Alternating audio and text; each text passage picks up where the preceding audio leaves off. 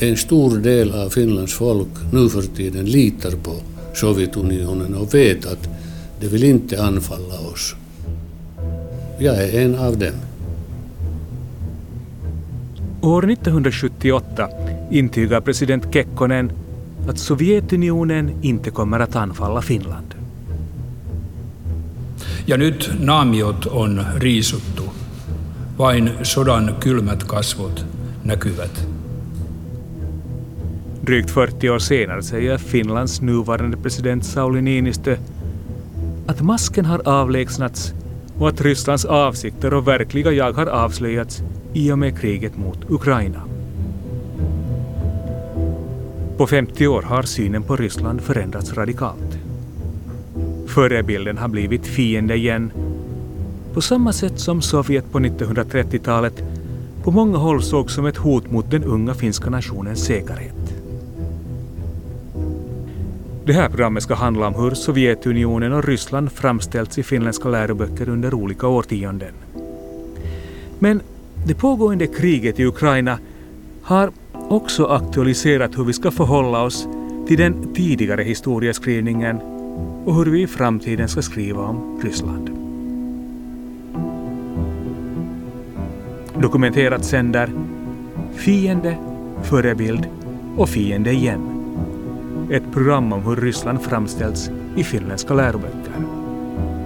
Mitt namn är Petter Lindberg. Och nu höjs silvertrumpeterna igen. President Brezhnev ska tala.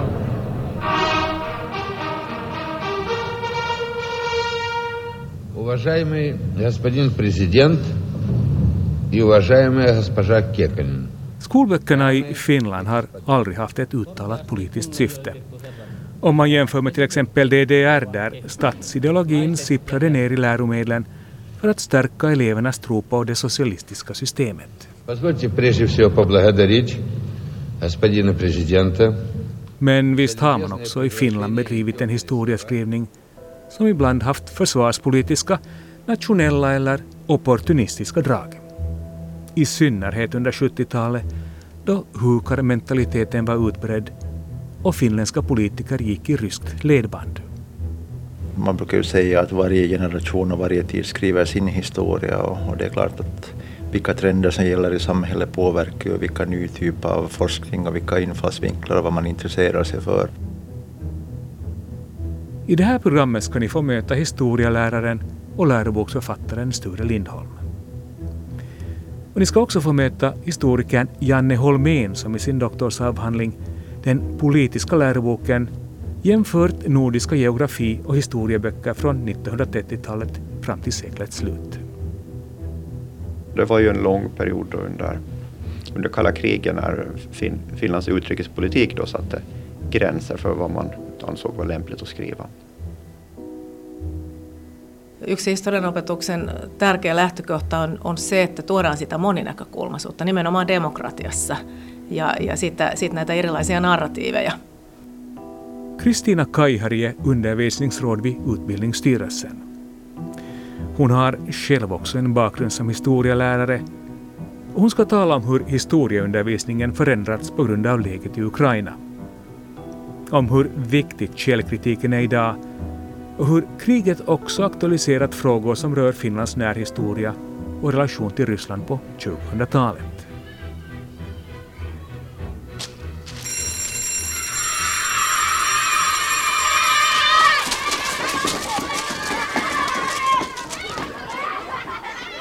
Från min egen skolgång och historieundervisning minns jag att vi aldrig riktigt nådde längre fram än till andra världskriget. Uppenbarligen var det svårt att förhålla sig till närhistorien. Men om vänskaps-, samarbets och biståndspakten som Finland slutit med Sovjet fick jag i varje fall lära mig att det var någonting som Finlands fred vilade stadigt på, nu och för alltid. Men eh, historien har en tendens att ständigt förändra sig och också den eviga VSB-pakten skulle gå upp i rök i samma stund som Sovjetunionen upphörde som nation. Jag har hört också kollegor som har sagt då när vid 90-talet nu behöver man inte undervisa om VSB-pakten, nu kan vi glömma den. Och sen för de att lämna bort den här på, på 90-talet och, jag tycker att det är snarare tvärtom. Om man nu någon gång ska undervisa om VSP-pakten så är det ju nog nu, om vi ska kunna förstå någonting av Finlands efterkrigshistoria, så, så är det ju nu vi borde ha kännedom om VSP-pakten, hur den kom till, vad den innebar och vad det i praktiken hade för konsekvenser för Finlands del. Så att sen liksom på något sätt börja sudda ut VSB-pakten från, från undervisningen och, och, och läro, läromedlen, så det är, är ju helt att motverka syftet med, med historieundervisningen. Mm. För idag är ju historieundervisningen nog eh, en grundtanke, är ju det här kritiska tänkandet, att du inte ska tro på källor, du ska underkasta dem källkritik och, och du ska komma med mothugg. Precis som historieläraren och läroboksförfattaren Sture Lindholm säger så är det synnerligen viktigt att idag kunna förhålla sig kritiskt till den historiesyn som vi blir serverade. Om den så kommer från läroböcker, tidningar eller källor på internet. Och här får Sture Lindholm medhåll av undervisningsrådet Kristina Kaihari vid Utbildningsstyrelsen.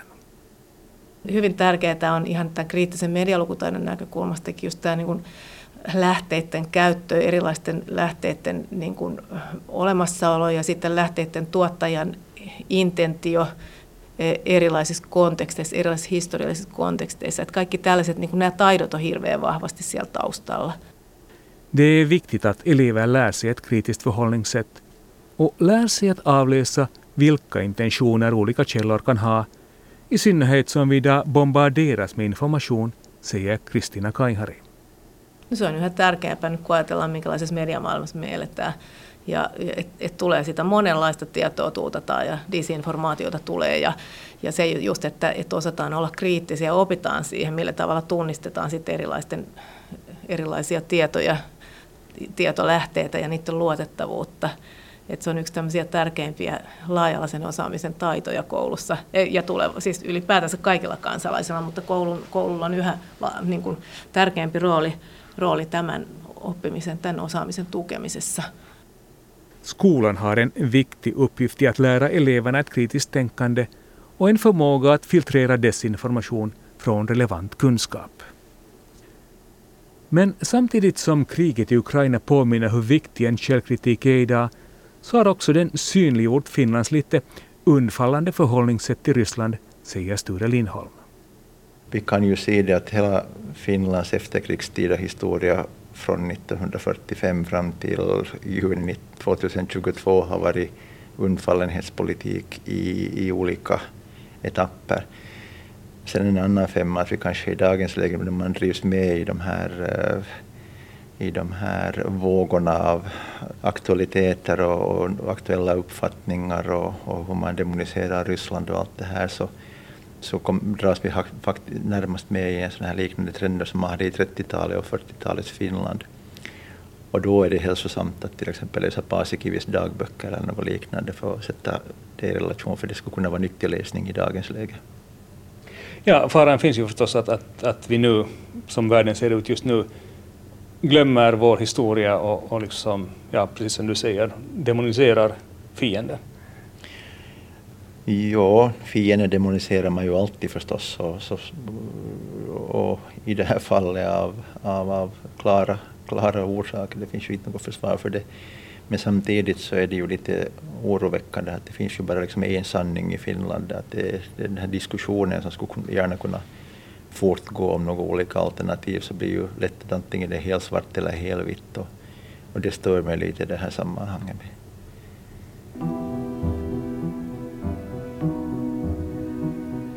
Likheterna med 30-talet är många vad gäller politisk instabilitet, starka högerkrafter och ett Ryssland som man i Finland upplever som ett hot. Historikern Janne Holmén har i sin avhandling granskat skolböcker i historia från den tiden och i många av 30-talets läroböcker utmålas Sovjetunionen som en diktatur och ett efterblivet land med låg folkbildning. På 1930-talet så då började ju i Sovjetunionen då hände det ganska mycket där och det blev förföljelse av olika minoriteter och hela utrensningar och så vidare. Och det här kommer väldigt snabbt in i de finska läroböckerna då på 1930-talet. Det har ganska mycket att göra med att eh, de allra första utrensningarna de, de drabbar ju finländska minoriteter då i Karelen. De var väldigt tidigt ute då att bli bli utsatta för olika typer av förföljelse. Och då spred det sig ganska snabbt i Finland också. Så det här kom ju in i läroböckerna då. Och det talar emot den här idén om att läroböckerna är väldigt konservativa i det avseendet. Att det här, den här typen av saker så det kommer in, kan komma in väldigt snabbt. Då. Och sen fanns det ju också andra parallella utvecklingar i samhället som att den här ja, extrema nationalismen också i Finland då tog sina största uttryck under 1930-talet. Och vissa läroböcker var väldigt tydligt påverkade av det här så de skrev framförallt kanske då geografi i läroböckerna var det vissa som skrev om att Finlands naturliga gränser antydde de ganska tydligt att de gick betydligt längre österut än vad de dåvarande gränserna gjorde så att säga. Det fanns de här olika strömningarna i samtiden då som, som påverkade att det blev en väldigt negativ bild av Sovjetunionen. Ja, man, man till och med utmålar landet som någon slags litet efterblivet land och, och, och kanske om man tänker på 30-talets rasläror som också till en del smög in i resonemangen kring, kring broderfolket. Ja, för Finlands del var det, fanns det ju det problemet att eh, enligt den tidens rasläror var finnar och, och ryssar samma ras. Så att eh, om vi tittar på svenska läroböcker då pratar man mycket om den ostbaltiska rasen och så vidare. Och, och, och germanska rasen och så. I Finland så gick det inte lika bra utan där stod det i vissa läroböcker att den den finländska rasen är under utredning. Och sen fortsatte man det ända tills 1945 när alla rasläror då kollapsade mer eller mindre och så då behövde, så tog man bort så att man utredde det här då ända tills det blev inaktuellt så att säga. Det är ett väldigt bra sätt att ta i kontroversiella frågor. Nyheter från Finspång och Fiskbyrån. Idag på morgonen har ryska flygplan på flera ställen överflugit finskt territorium. I början av 40-talet hade man i Finland ett behov att stärka försvarsviljan och fosterlandskärleken. Också läroboksförfattare drog sitt strå till stacken genom att betona hur den finländska kulturen och de politiska ideologierna gjorde Finland till en självklar del av Västeuropa. Men efter krigets slut och fredsförhandlingarna fanns det hos segermakten Sovjet en vilja att korrigera de uppfattningar som skolböckerna lärt ut under kriget. Vänstervärderingar skulle ges företräde och uppgifter som ansågs ge en felaktig bild av Sovjet skulle rensas ut, säger Janne Holmén. I Finland så har man ju mot slutet, efter, ja, efter att man slutit fred med Sovjetunionen då, så har man ju en kommission då som går igenom alla finländska läroböcker och river ut olämpliga sidor och instruerar barn att de ska stryka över den där meningen och så vidare. Och vissa läroböcker underkänns helt då. Så det, det blir ju en väldigt omfattande revision. Sen så finns det ju också en ordinarie granskning vid Skolstyrelsen. Och eh, den kommer ju också att titta på de här sakerna, att det är också nya läroböcker och följer den här, den här linjen så att säga. Det fanns ju andra organisationer i samhället som Samfundet Finland Sovjetunionen till exempel då dit en del missnöjda föräldrar kunde då rapportera om de tyckte att de inte gillade det som stod i, i läroböckerna eller som läraren hade sagt och så vidare. Så att det, det sker en förändring. Samtidigt så måste man komma ihåg att Eh, det fanns ju också motbilder att om, om eleverna får sitta då och stryka över någonting som finns i läroböckerna då blir de kanske ännu mer intresserade av vad är det som står under, vad är det som står under den här lappen och som döljer det som så att ända fram till Stalin dör det är väldigt hårt tryck på vad man kan skriva och så vidare. Sen mildras det lite då efter Stalins död under 1960-talet. Ja, rent konkret så kan man konstatera att då efter andra världskriget så var kontrollkommissionen och ingrep mot innehållet i speciellt hissa läroböcker och lite geografi också. Så man suddade ut det där som var negativt om Sovjetunionen här i läroböckerna. Och eftersom man ju då inte hann trycka upp nya läroböcker så fick ju lärarna i kraft av sin tjänsteplikt gå och limma över vissa kapitel i, i läroböcker då 1945.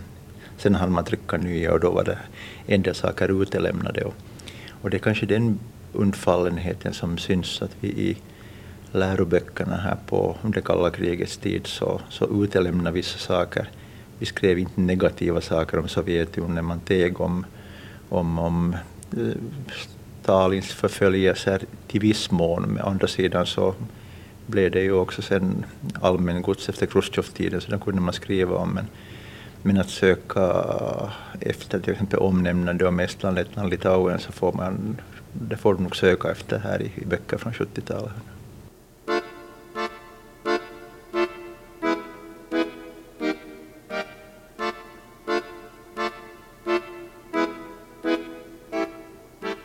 Precis som Sture Lindholm konstaterar så var efterkrigstiden en besvärlig tid för Finland.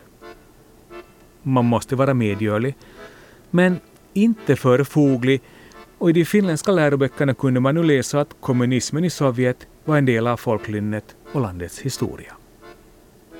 All eh, historieskrivning och alla läroböcker och så vidare har ju en sån här viss vinkling i varje fall. Att, att det finns ju vissa saker som man lyfter fram och vissa saker som man tiger om. Och till exempel om man tänker på Finlands roll i andra världskriget så, så nu har det ju alltid i våra läromedel framställts ganska, tydl ganska tydligt hur både vinterkrig och fortsättningskrig och allting börjar. Man har tonat ner kanske vissa saker och, och vi har försökt eh, i läroböcker lika väl som på, på det allmänna planet prata om ett, ett separat krig. Att vi var ju absolut inte varit allierade med Nazityskland. Man har tigit om mycket av den kopplingen. Och, och till exempel finländska eventuella krigsförbrytelser eh, och, och med agerande med finländska SS-bataljoner så inte det är ju sånt som vi har lyft fram på något sätt i, i, det där, i, i läroböckerna heller.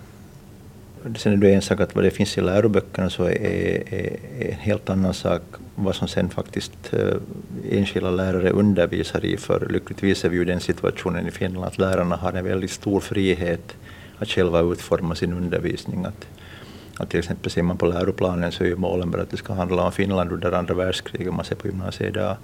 Sen ger läroböckerna eh, material och en grund som man kan använda hur man själv vill och lära, alla hissalärare så, så kör ju säkert sitt eget race och lyfter fram sina, sina käpphästar och presenterar det här enligt eget gottfinnande. Och det är ju en jättebra sak i, som en guldgruva i det här finländska skolväsendet att vi inte är bundna uppifrån att så här ska ni säga och det här ska du undervisa och den här synvinkeln ska du ha. Lärarens frihet är stor. Och just så ska det också vara, säger skolrådet Kristina Kaihari. Samtidigt betonar hon att det korrekta sakinnehållet är den ledstjärna man i skolvärlden önskar att lärarna idag ska följa. Kyllä aika niin kuin asialähtöisesti ne sisällöt vaan kirjoitettu, että ei mun mielestä kyllä voi löytää mitään sellaista näkökulmaa tai kantaa, koska lähtökohtahan on se moninäkökulmaisuus. Ja tietysti historia, jokainen aikakausi kirjoittaa historian uudelleen. Ja se on tärkeää ottaa huomioon niitä uusia narratiivat. Nyt me esimerkiksi ollaan hyvin vahvasti nostettu lukion uusissa opetussuunnitelmissa tätä historian käyttöä ja yhteiskunnallisen tiedon käyttöä niin kuin välineenä eri yhteyksissä, että osataan tunnistaa sitten se, että miten sitä voidaan myös käyttää väärin På skolstyrelsen vill man göra eleverna uppmärksamma på hur historien kan användas. Men också missbrukas i olika sammanhang och det gör man idag genom att på de egna hemsidorna erbjuda information och tilläggsmaterial om till exempel just kriget i Ukraina, säger Kristina Kaihari. Opetushallitus myöskin tuottaa yhteistyössä kentän kanssa ja muiden toimijoiden kanssa tukiaineistoja, joita laitetaan opetushallituksen sivuille nykyään digiaikana ja, ja jatkuvasti pyritään päivittämään sitä, että opettajat saa sieltä niin kuin tukea erilaisia esimerkkejä, hyviä käytäntöitä, aineistoja historian opetukseen ihan eri teemoihin. Ja, ja tota, meillä on Suomessa hirveän hyvä tämä yhteistyö niin kuin kentän ja kaikkien toimijoiden kanssa, kun meillä ei ole mitään sellaista kauheata hierarkiaa niin kuin monissa maissa, että meillä on hyvin, hyvin helppo toimia yhdessä. Men det fanns en tid då skolvärlden i Finland var betydligt mer toppstyrd och där olika intresseorganisationer som till exempel Samfundet Finland-Sovjetunionen bedrev aktiva kampanjer för att göra undervisningen mer östvänlig. Den sittande undervisningsministern, socialdemokraten Matti Louekoski, tyckte bland annat att läroboksproduktionen helt och hållet borde handhas av staten. Så här säger han i ett debattprogram på YLE år 1978 oppikirjojen ja yleisopetusmateriaalin tarkastus on saatettava kansanvaltaiseen valvontaan. Ja toiseksi korostin sitä, että yleensä tarkastusmenettelyä tulisi kehittää paitsi tehostamalla menettelyä, lisäämällä henkilökuntaa, myöskin niin, että ennalta voitaisiin antaa oppikirjan, teki, oppikirjan tekijöille ohjausta kirjojen tuottamisessa. Undervisningsminister Matti Louekoski tyckte att granskningen av färdiga skolböcker skulle underställas en statlig kontroll. Också skolboksförfattarnas arbete skulle övervakas och vid behov skulle de tilldelas goda råd. För faran låg ju att eleverna plötsligt kunde få en felaktig bild av det utrikespolitiska läget i Europa. Mutta siinä mielessä tällaisella materiaalin käytöllä on vaaransa, että jos sitä harkitsematta käytetään ja jaetaan ilman kontrollia, niin siitä saatetaan antaa meidän koululaisillemme aivan väärä kuva joistakin asioista, esimerkiksi ulkopoliittisesta tilanteesta Euroopassa. I Finland så blev det nu för första gången då den sovjetiska socialismen som man har som någon typ av ideal då inom åtminstone stora delar av vänstern. Då. Och det är en, en faktor som förklarar det här. Sen var det också det att nu börjar egentligen alla politiska partier i Finland också vilja samarbeta med Ryssland på ett eller annat sätt. Så det gör att det inte finns någon riktig opposition på det sättet mot en väldigt undfallande politik mot Sovjetunionen. Sen kommer det också fördjupat samarbete just när det gäller läroböcker så då dyker det upp en del kommissioner då som är ömsesidiga där, svensk, då, där då finländska och sovjetiska läroboksförfattare då ska läsa varandras läroböcker och komma med kommentarer och liknande. Det, just på läroboksmarknaden så, så då, det är en viktig faktor också. Men är det inte lite märkligt att, att någon utomstående sovjetisk kommission ska ha synpunkter på, på läromedel i Finland på 70-talet? Eh, ja, hela det här fältet med forskning och, så om läroböcker. Så det har sitt ursprung i att det efter första världskriget då, så, så dök det upp många den här typen av granskningar då, där länder som har krigat mot varandra och ska läsa varandras läroböcker för att komma åt då, fördomar och, sånt då, som har gett upphov till kriget och så vidare mellan Tyskland och Frankrike och liknande. Och det kommer en liknande våg då igen efter andra världskriget. Så det här kanske kan ses som en del av samma process då. Men som sagt, eh, i Finland hade det funnits väldigt mycket då, negativt och ren rasism och liknande också eh, mot Sovjetunionen under 1930-talet. Men som sagt, det hade ju rensats bort redan då på 1940-talet och efter kriget. Nu när den här andra vågen av granskning kommer då så finns det inte så mycket av den varan då att, att rensa undan. Det är kanske mer av den sovjetiska självbilden som mer direkt då kommer in i de finländska läroböckerna.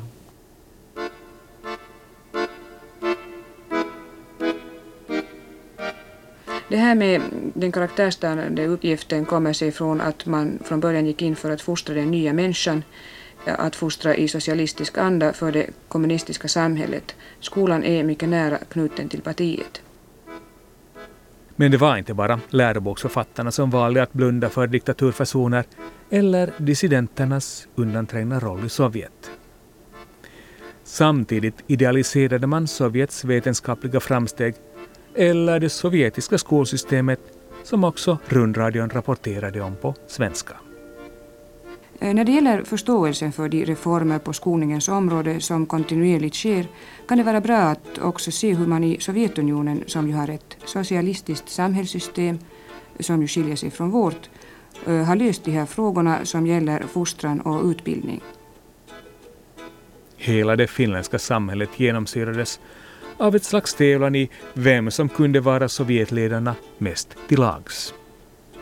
Sitten meillä oli stalinisteja, jotka olivat hyvin aktiivisia esimerkiksi opiskelijapolitiikassa ja, ja, ja muutenkin näkyviä eri paikkakunnilla ja, ja, ja toivat sitten, sitten niitä omia näkökulmiansa, joita sitten jossakin vaiheessa, se on varmasti 70-luvun lopulla, 70-80-luvun vaihteessa, jolloin nämä ensimmäiset vanhat stalinistit alko, alkoivat sitten tota itse kyseenalaistaa sitä, sitä koko, koko heidän niin ajattelumaailmassa. Satu Hassi taisi olla ensimmäisiä, joka sitten vaihtoi vihreisiä ja itsekin ihmetteli ja hämmästeli, että miten he ovat voineet olla niin vaaleanpunaiset lasit silmillä ja puhua yhtä ja toista ihan muuta, mitä he oikeasti näkivät käytännössä.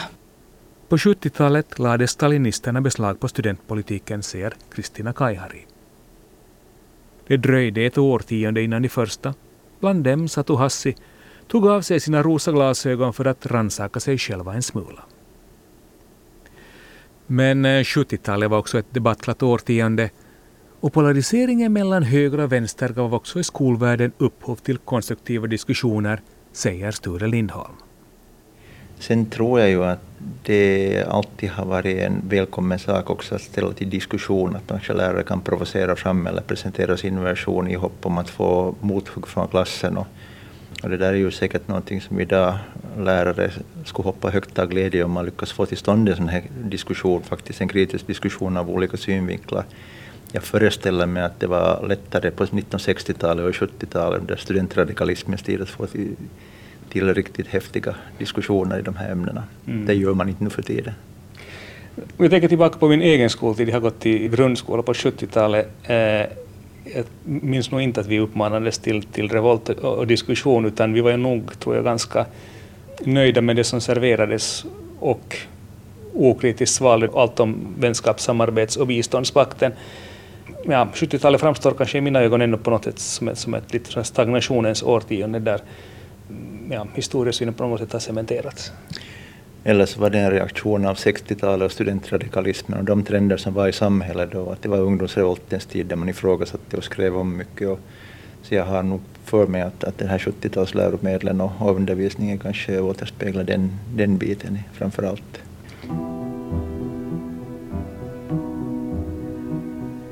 Om 70-talet på många sätt karaktäriseras av stagnation och undfallenhet i förhållande till Sovjet så finns det ändå en historisk sanning som finländarna vågar försvara och det är existensen av Molotov-Ribbentrop-paktens tilläggsprotokoll. Alla står tysta och de flesta har ett spänt, bekymrat ansiktsuttryck. Man väntar minister J.K. Paasikivi som på uppdrag av regeringen ska fara till Moskva för att förhandla med utrikeskommissarie Molotov.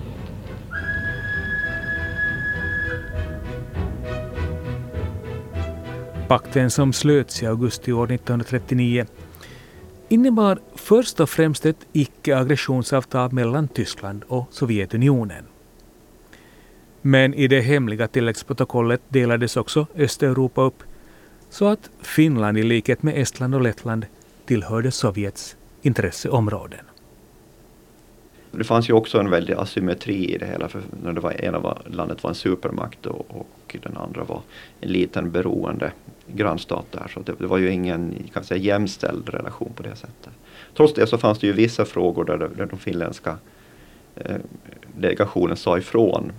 Det, det gällde till exempel då det här hemliga tilläggsprotokollet till Molotov-Ribbentrop-pakten. Så där så hävdade de sovjetiska deltagarna att något sånt aldrig existerat men då beställde den finska delegationen de beställde fram de här dokumenten då från arkiv i, i Tyskland och visa att de verkligen finns.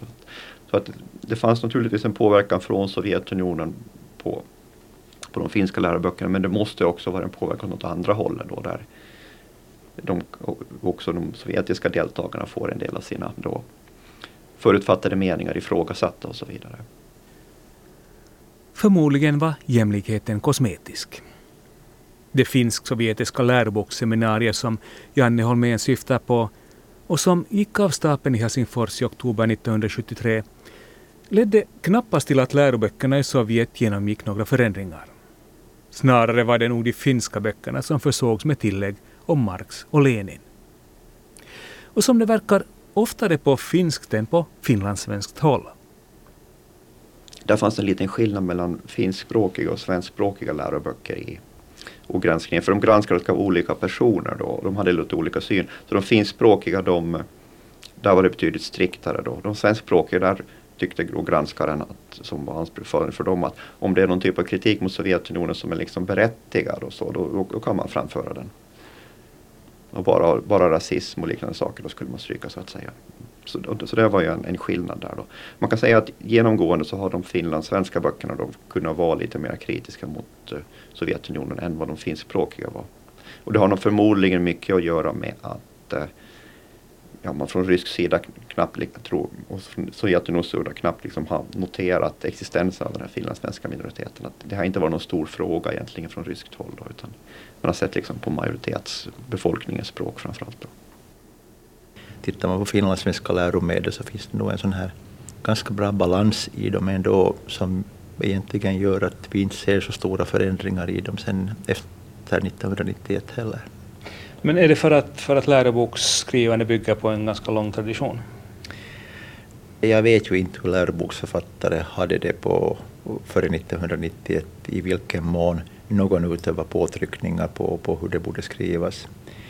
Men äh, den erfarenhet jag har med det, visserligen från 90-talets början som jag har skrivit läroböcker, så är det ju det att det nog finns nog ingen som har, inga yttre krafter som på något sätt har försökt påverka innehållet där.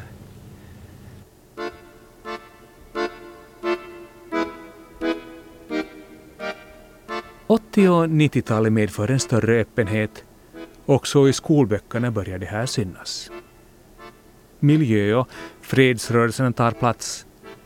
Och också en försiktig kritik gentemot den sovjetiska planekonomin och landets miljöproblem börjar smyga sig in i läromedlen.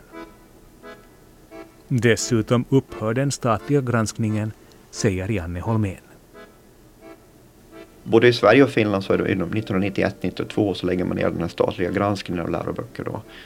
Delvis kan det vara en direkt inflytande då av att man kan släppa det mera fritt om man inte är rädd för att det ska skrivas allt för negativa saker. Men det kan också ha en indirekt effekt av att Sovjetunionen var på något sätt och vis då en symbol för, för statlig styrning då och när det rasar ihop så då, det, då är det mer liberala idéer då som kommer fram då att man ska släppa saker fritt och styra mindre centralt. Och då, då rasar sådana här myndigheter då som de statliga granskningsmyndigheterna för läroböcker ihop. I Finland också flyttar man över ansvar till kommunerna i större utsträckning än tidigare under den här perioden då i skolan. Hur, hur är det i 90-talets läromedel? Finns där redan ansatser till någon slags självrannsakan? Ja, det finns ju, kommer ju mera kritik mot Sovjetunionen än det har varit tidigare. En, ja, vissa saker som hade stått under 1930-talet började, började dyka upp igen. Till exempel det hade, både i Sverige och Finland hade det varit beskrivningar av hur en rysk by såg ut. Och att det, är, det är tre hus längs en, en lerig väg i princip. Då. Då hade man skrivit på 1930-talet. Sen försvinner det då under Sovjettiden. Då är det mest liksom bilder på högteknologiska skördetröskor och liknande då från landsbygden. Men sen på 90-talet dyker de upp igen de här då, husen längs den leriga vägen. Antagligen har de funnits där hela tiden men det är ingen som har haft möjlighet att fotografera dem då på, på ett bra tag. Så mycket till självrannsakan verkar det inte ha funnits i de finländska läromedlen på 90-talet.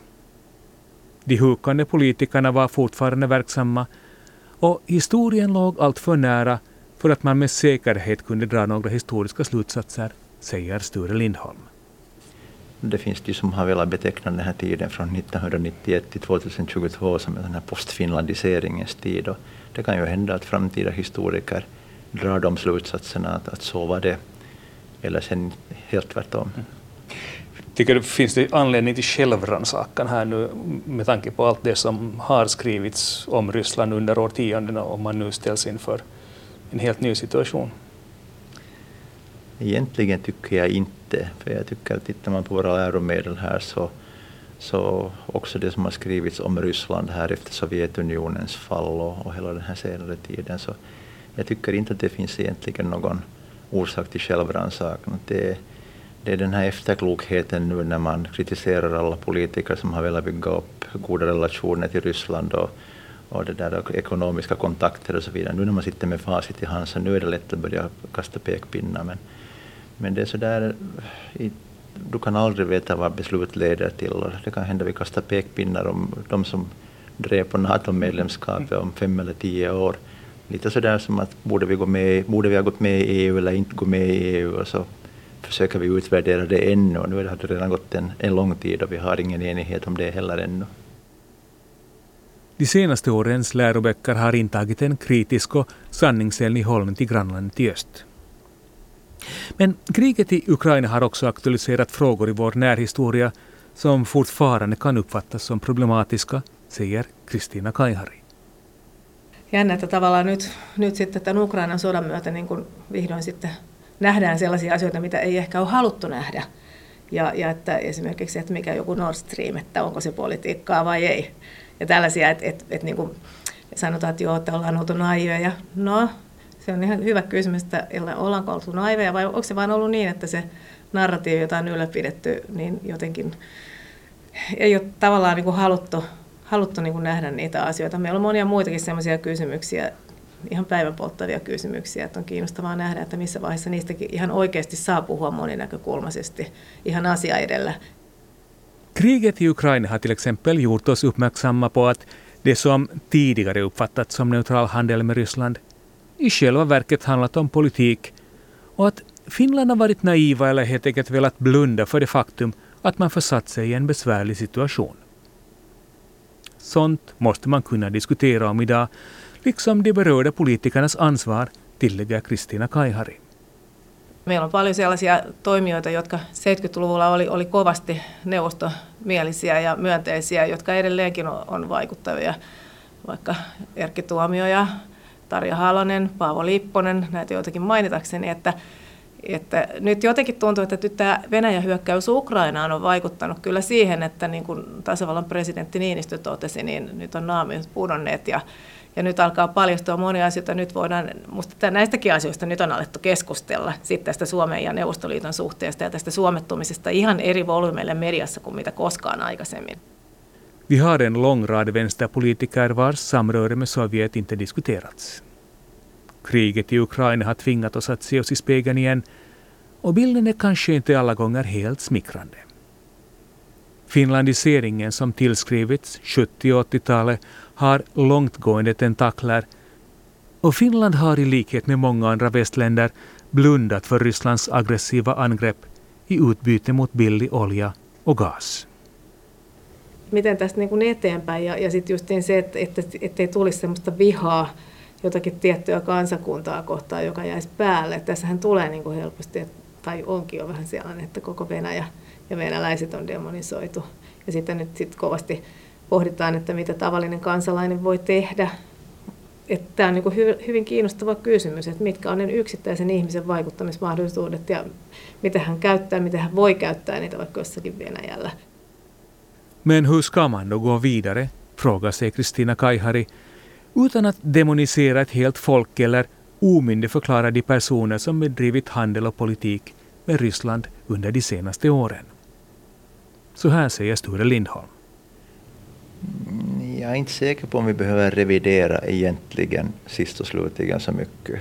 Det blir att skriva fortsättningen till egentligen om, om, om historien får ett, en, tar en ny vändning, kanske det kommer nya kapitel till, men det finns nog inga, jag ser inga behov av att skriva om någon tidigare historia. Vi har inte den där uh, traditionen i Finland heller att vi går och välter monument eller flyttar monument och raderar ut vissa delar av historien som många andra länder har, där man, där man mer följer de här genomgående trenderna. Så det är en av de positiva sidor som, som man kan se med den här finländska historien och samhällsutvecklingen, att de minnesmärken som vi har från också pinsamma tider i Finlands historia så har i regel fått stå kvar med vissa undantag när. Ja, ett slags stabilitet helt enkelt. Ja, snabba politiska trender så inte och, och, och, och rubbar cirklarna lyckligtvis.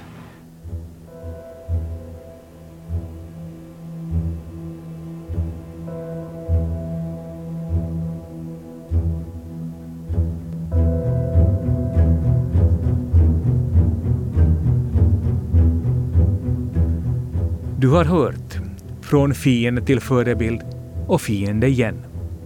Ett program om hur Ryssland framställts i finländska läroböcker.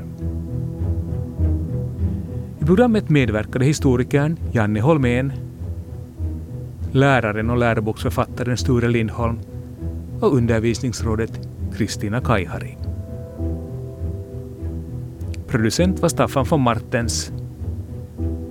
För ljuddesignen stod Jyrki Häyrinen och mitt namn är Petter Lindberg.